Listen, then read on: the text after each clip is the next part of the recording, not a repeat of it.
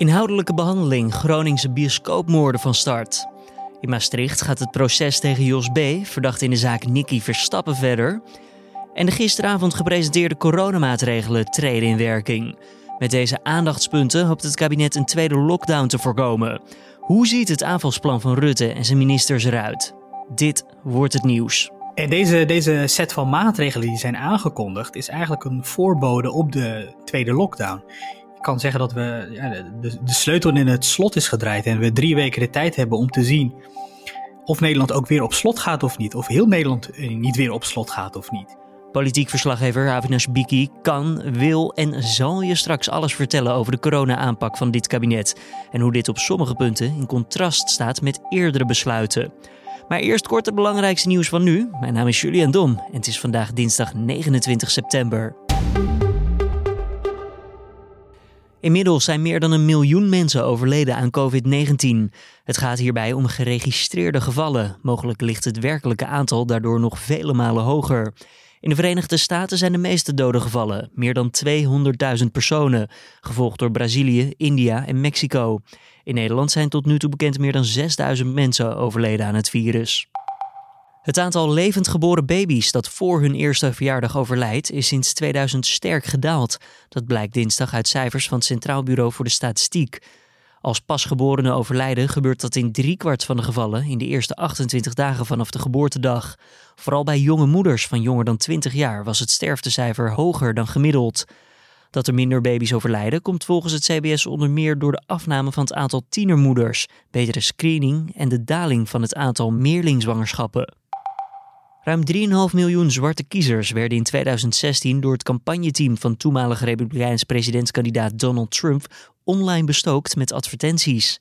De strategie was bedoeld om ze op verkiezingsdag thuis te laten blijven en niet op de democratische kandidaat Hillary Clinton te laten stemmen. Dat ontdekte Channel 4 News maandag na bestudering van data. Het bedrijf Cambridge Analytica, wat de speel was in een groot privacy-schandaal rond Facebook, geeft dit ook toe. Zo blijkt uit vertrouwelijke documenten die door Channel 4 News zijn ingezien. De politie waarschuwt maandag voor een man die waarschijnlijk twee vrouwen heeft lastiggevallen in Utrecht. De incidenten vonden plaats in de wijken Hoograven en Lunetten. De politie roept met name vrouwen op voorzichtig te zijn en indien mogelijk samen te fietsen in het grensgebied Hoograven-Lunetten. Op dit moment is nog niet duidelijk of het ook daadwerkelijk om dezelfde dader gaat. Daar wordt onderzoek naar gedaan.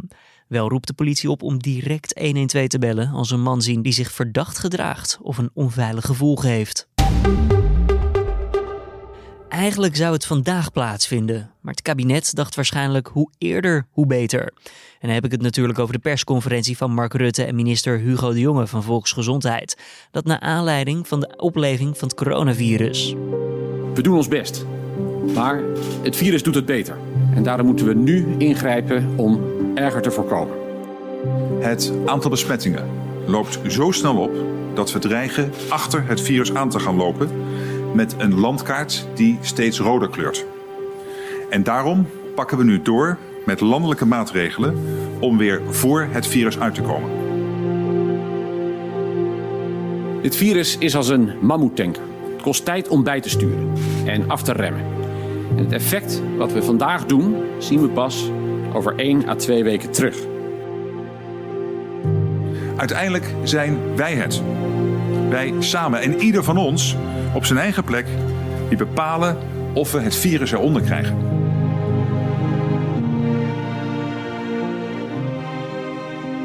De besmettingscijfers lopen enorm op en er zijn zorgen over de toename qua ziekenhuisopnames. Om een tweede lockdown te voorkomen kwam het kabinet gisteren met een reeks aan maatregelen. Politiek verslaggever Avanas Biki was bij die persconferentie aanwezig en neemt alle beslissingen van het kabinet voor ons onder de loep. En collega Carne van der Brink vroeg Avi of het kabinet adequaat heeft gehandeld of nog met de handrem erop. Ja, dit is wel een, uh, een stap uit nood geboren natuurlijk. We zien dat de besmettingen ontzettend aan het oplopen zijn. Uh, reproductiegetal ligt al uh, ja, toch wel een aantal weken boven de 1, ruim boven de 1. Dus ze zijn genoodzaakt om, om, het, ja, om de regie weer naar zich toe te trekken.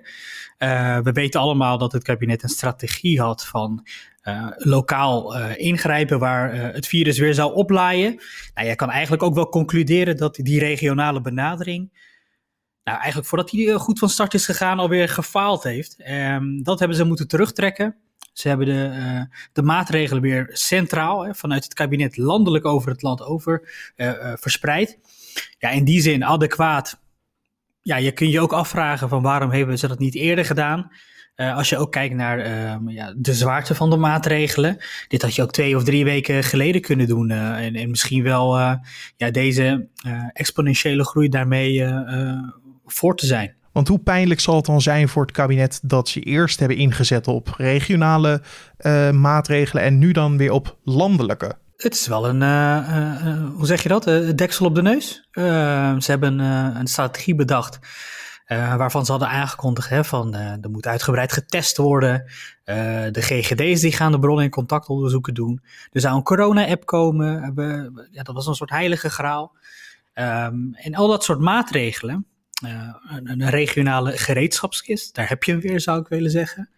Uh, die gevuld zou moeten worden met uh, lokale maatregelen. Ja, al deze, al deze plannen van het kabinet, um, die zij gepresenteerd hadden naar ons als, als zijnde van dit is, dit is onze dijk waarmee wij de tweede golf gaan tegenhouden.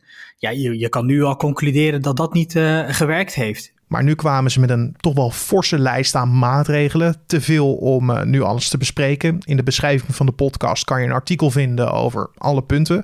Uh, maar welke sprong er voor jou het meeste uit? Nou, even kijken, we gaan er toch een paar opnoemen hoor. De horeca gaat eerder dicht natuurlijk. Uh, de groepsgarotes worden beperkt.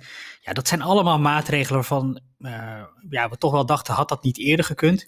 Wat voor mij toch wel het meest in het oog sprong is de mondkapjesplicht die geen mondkapjesplicht mag heten. Het is een advies voor uh, de drie grote steden Amsterdam, Rotterdam, Den Haag en uh, gek genoeg was dat uh, burgemeester Halsema van Amsterdam die aankondigde dat daar ook de regio Brabant bij betrokken zou zijn. Um, ja, dat is dus een advies.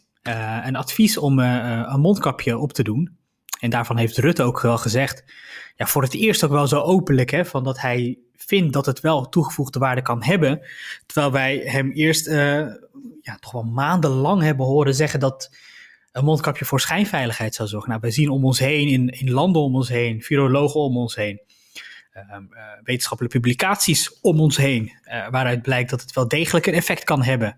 Ehm, niet alleen misschien ook om um, ja, hoe zeg je dat, het virus te bestrijden, maar ook gewoon een stukje duidelijkheid naar de mensen toe van, ja, al, al help je één besmetting uh, ermee te voorkomen, dan is dat natuurlijk altijd meegenomen. Ik vind het wel heel gek dat in het hele pakket van maatregelen dat landelijk is afgekondigd, precies deze maatregel er weer niet in is opgenomen. En dat het dus aan de winkeliers wordt overgelaten om ehm, in, in, die, in, die, in die steden, uh, die probleemsteden, om daar een besluit over te nemen. Nou, en waarom is dat natuurlijk lastig? Want je, het kabinet legt daarmee het initiatief wederom uh, bij de ander, niet bij zichzelf.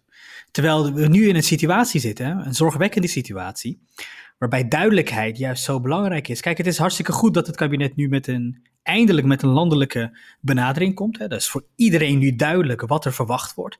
Er is ook heel duidelijk een tijdspad geschetst. Drie weken moeten we dit doen om die reproductiegetal, om, dat reproductiegetal weer naar beneden te krijgen. We hebben met z'n allen weer een gezamenlijk doel. En dan precies eh, over die mondkapjesplicht, zo'n omstreden maatregel, uh, in Nederland omstreden gemaakt, moet ik zeggen, um, is er weer geen landelijke duidelijkheid. Ja, dat is een gemiste kans. Nee, want eh, als je het hebt over mondkapjes, hè, het RIVM die natuurlijk het kabinet adviseert, die zegt wij willen niet alleen maar overgaan op een landelijke mondkapjesplicht, omdat dan mensen uh, de anderhalf meter mogelijk kunnen vergeten. Dat is een beetje het punt wat het aan wordt gehaald, dat je een schijnveiligheid krijgt. Want zou het dan een te grote stijlbreuk ook zijn van het kabinet als ze wel overgaan naar een uh, landelijke mondkapjesplicht? Ja, maar je moet je afvragen, wat maakt het nou uit of het een stijlbreuk is of niet? Um, gisteravond had, uh, had Nieuwsuur uh, een ander lid van het OMT in, in, de uitzendingen. Die zei heel duidelijk, daar is in het OMT gewoon discussie over. Er zijn heel veel leden van het OMT die toch wel uh, neigen naar een mondkapjesplicht. Um, en de, dat het met name RIVM-baas Jaap van Dissel is die blijft vasthouden aan... Uh, aan zijn standpunt dat het voor schijnveiligheid zorgt. Dus om nou te zeggen dat het OMT um, daar onverdeeld over is, is ook, gaat ook te ver. Um, en stijlbreuken, weet je, we zitten midden in een crisis. De, ene stijlbreuk volgt na de ander. Uh, we moeten thuiswerken, uh, sociale contacten worden, uh, worden ingeperkt. Dus ik denk wel dat ehm, als je daar gewoon heel duidelijk over communiceert. Um, en dat, daar heeft het kabinet natuurlijk wel een fout in gemaakt door zich zo in te graven in die mondkapjesdiscussie. Daar zo duidelijk stelling in te nemen dat het ja, niet werkt. Ja, maakt het, maakt het kabinet het voor zichzelf eigenlijk alleen maar moeilijk.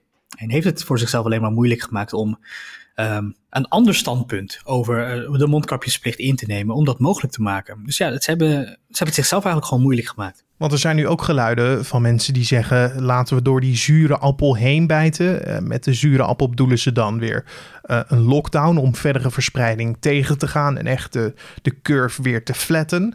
Is een lockdown op dit moment echt een no-go voor Rutte en zijn team? Ja, je, kijk, uh, je moet het zo zien. Dus de besmettingen lopen nu dusdanig hoog op dat uh, zeg maar de reguliere zorg, hè, uh, dus geplande hartoperaties, geplande uh, kankerbehandelingen, die moeten alweer worden uitgesteld. Dus we zijn alweer op dat punt. En deze, deze set van maatregelen die zijn aangekondigd, is eigenlijk een voorbode op de tweede lockdown kan zeggen dat we ja, de, de sleutel in het slot is gedraaid en we drie weken de tijd hebben om te zien of Nederland ook weer op slot gaat of niet. Of heel Nederland eh, niet weer op slot gaat of niet. Um, dus die tweede lockdown um, is veel dichterbij dan we denken. En, en over de economie, um, allemaal leuk en aardig. Uh, het, en het, is heel belangrijk, de economie. De werkloosheid is heel zorgelijk. Maar wat net zo zorgelijk is, en misschien is dat de laatste tijd wel ondergesneeuwd geraakt, zijn toch echt de gezondheidsconsequenties. Hè? Er gaan natuurlijk ontzettend veel mensen overlijden aan het virus. Heel veel mensen die houden de blijvende schade aan over. Gezondheidsschade. Dus waar we in het begin van uh, de pandemie en de crisisbestrijding heel erg veel oog hadden voor de gezondheidseffecten, is dat gaandeweg een beetje op de achtergrond geraakt. Terecht ook natuurlijk, hè, want we moeten oog hebben voor de economische consequenties. Maar laten we vooral niet vergeten uh, uh, hoe dodelijk het virus ook is. Zeker. En denk je dan ook dat Politiek Den Haag op dit moment denkt dat deze maatregelen um, genoeg zullen zijn om bijvoorbeeld een lockdown te voorkomen? Daarvan, uh, daarvan moeten we echt afwachten hoe, of mensen hun gedrag daarop aanpassen. Hè? Ehm, je kan dit dit pakket aan maatregelen uh, als wederom een waarschuwing zien. Nou ja, we hebben het hier ook al met elkaar vaker over gehad. Hè, van dat het kabinet de urgentie terug wil bij, uh, uh, bij de bevolking. Nou ja, tegelijkertijd kun je ook, ja wel, moet je vaststellen dat die waarschuwing natuurlijk al weken gegeven is. er is al weken gehoopt op een gedragsverandering. Dus ja, het maatregelenpakket is, um, ja, hoe moet je dat zeggen? Goed dat het er is, hè, landelijk. Landelijk eindelijk wordt er ingegrepen. Maar ja, je moet natuurlijk blijven hopen op, uh, op dat mensen uh, hun gedrag ook echt gaan aanpassen. Gaan mensen die feestjes en partijen uitstellen, uh, bruiloften en verjaardagen in, in grote zalen. En de, zullen de zaalbeheerders zich aan de regels houden? Zullen horeca-ondernemers zich aan de regels houden? Zullen winkeliers zich aan de regels houden? Het is allemaal afwachten in hoeverre uh, de boodschap uh, landt uh, bij een groot deel van de bevolking. En uiteindelijk is het, is het ook aan, uh, aan de mensen zelf hè, om, om die urgentie daarvan in te zien. En laten we, ja, laten we vooral hopen dat, dat we niet weer beelden nodig hebben van overvolle IC's en zorgpersoneel dat overwerkt is om, om tot ons te laten doordringen dat het zo niet verder kan en dat die tweede lockdown ja, de enige manier is om, om, om, om weer uit de crisis te komen. Maar hoe kunnen we uiteindelijk toetsen um, of de gisteravond gezette stappen een gouden greep bleken te zijn? Ja, dat is dus het lastige van, van, van dit hele virus. Hè? Dus elke maatregel die je neemt, daar heb je een aantal dagen voor nodig om te zien in de, in de cijfers, in het reproductiegetal. We hebben gewoon even tijd nodig om te zien hoe dat zich verder ontwikkelt. Um, uh, daarvan had Rutte in de persconferentie zo uit mijn hoofd uh, gezegd van dat kun je pas over een dag of zeven à tien uh, bepalen. Uh, dan kun je kijken of die besmetting weer teruglopen of het R-getal ook terugloopt. Dus ehm, wat dat betreft zullen we even ja, het is echt afwachten hoe vervelend dat ook is. Dus het is niet zo dat als je nu maatregelen aankondigt, morgen gaan ze in en overmorgen zie je de resultaten het is echt, uh, dat is het vervelende eigenlijk. Hè? Dus het is, eh, ja, echt afwachten. En Avi, ik heb je heel hoog zitten, maar niet zo hoog dat ik ook denk dat jij de toekomst kan voorspellen. Maar toch even de vraag, stel we lopen inderdaad achter de feiten aan. Wat dan? Nou ja, over drie weken is er weer een weegmoment. Hè. Dan gaat het kabinet met het uh, OMT en de experts, althans een gepland weegmoment, uh, uh, kijken wat voor effect de maatregelen daadwerkelijk hebben gehad. En op dat moment, kijk, als het, als het dan geen effect heeft, dan zeggen ze dan moeten er strengere maatregelen komen. ja, stel jezelf maar de vraag, wat is er strenger dan deze landelijke maatregelen? mijn inschatting is dan, als dit niet werkt, dan dan is de tweede lockdown een feit. Dankjewel, politiek verslaggever Avinash Biki en collega Carne van der Brink.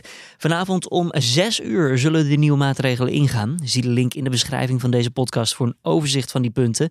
En op nu.nl kan je zelf ook terecht voor de meest gestelde vragen aan onze redactie. En uiteraard vind je dan niet alleen die vragen, maar ook de antwoorden daarop. Dan nog eventjes de nieuwsagenda voor vandaag. En het is een hele rits, dus uh, schrijf mee als je geïnteresseerd bent. Kerkklokken in het hele land die luiden om half tien deze ochtend 8 minuten lang en 20 seconden. En dat is precies 500 tellen. Nou, dat staat voor het aantal kinderen uit vluchtelingenkampen op de Griekse eilanden dat Nederland zou moeten opnemen, al dus deze kerken. Twaalf organisaties onderhandigen bovendien een petitie aan woordvoerders op het gebied van asiel en migratie in de Tweede Kamer. Tientallen carnavalsverenigingen uit Noord-Brabant komen vanavond bijeen in het stadion van Willem II in Tilburg om te praten over carnaval volgend jaar. Ze willen de mogelijkheden en de onmogelijkheden bespreken. Bij die vergadering schuiven ook vertegenwoordigers van de drie Brabantse veiligheidsregio's aan. De 34-jarige Ergun S. uit Rotterdam die staat terecht voor doodsteken van een echtpaar in een pathé-bioscoop in Groningen dat haar schoonmaakte. Dat gebeurde vorig jaar oktober. Volgens S. verkeerde hij tijdens het incident in een psychose. En in Maastricht gaat het proces tegen Jos B., verdacht in de zaak Nicky Verstappen, verder. Gisteren zei B. op de zitting dat hij het lichaam van de jongen in het bos toevallig had zien liggen. Vervolgens had aangeraakt om te controleren of de jongen dood was. En daarna was weggegaan zonder de politie te alarmeren. Vandaag zal het OM meer vertellen over de DNA-sporen die zijn aangetroffen op het ondergoed van Nicky. De zitting begint om half tien deze ochtend en is wederom te volgen via een live blog op nu.nl. Zanger R. Kelly moet in New York voorkomen voor onder meer seksueel misbruik, afpersing, mensenhandel en omkoping. Eerder dit jaar stond hij in Chicago al terecht voor seksueel geweld. Ook in de staat Minnesota loopt er een rechtszaak tegen de zanger en Kelly ontkent alle beschuldigingen. Dan het weerbericht en daarvoor gaan we naar Leon Saris van Weerplaza. Het is vandaag behoorlijk bewolkt en er valt ook nog steeds wat lichte regen of motregen uit. Deze bewolking trekt langzaam naar het oosten, waarachter wat opklaringen volgen. De temperatuur kan daardoor in het westen oplopen naar een graad of 17 à 18. De zon komt er mogelijk nog even bij, maar in het oosten is er meer bewolking, blijft het lange miseren en volgt de opklaring pas in de namiddag of avond. temperatuur ligt daar rond een graad of 16. De wind is hierbij overwegend westelijk en zwak tot matig van kracht. Morgen is het vaker droog, krijgen we de zon vaker te zien en valt er op een enkele bui na geen regen. Dankjewel Leon. En dit was dan de Dit wordt het nieuws ochtendpodcast voor deze dinsdag 29 september. Tips en of feedback zijn zoals altijd welkom op het bekende adres podcast.nu.nl. Dan wens ik je voor nu een hele fijne dinsdag. Vanmiddag is mijn collega Carne van de Brinker met de middageditie van deze podcast. Mijn naam is Julian Dom en ik spreek je morgenochtend weer.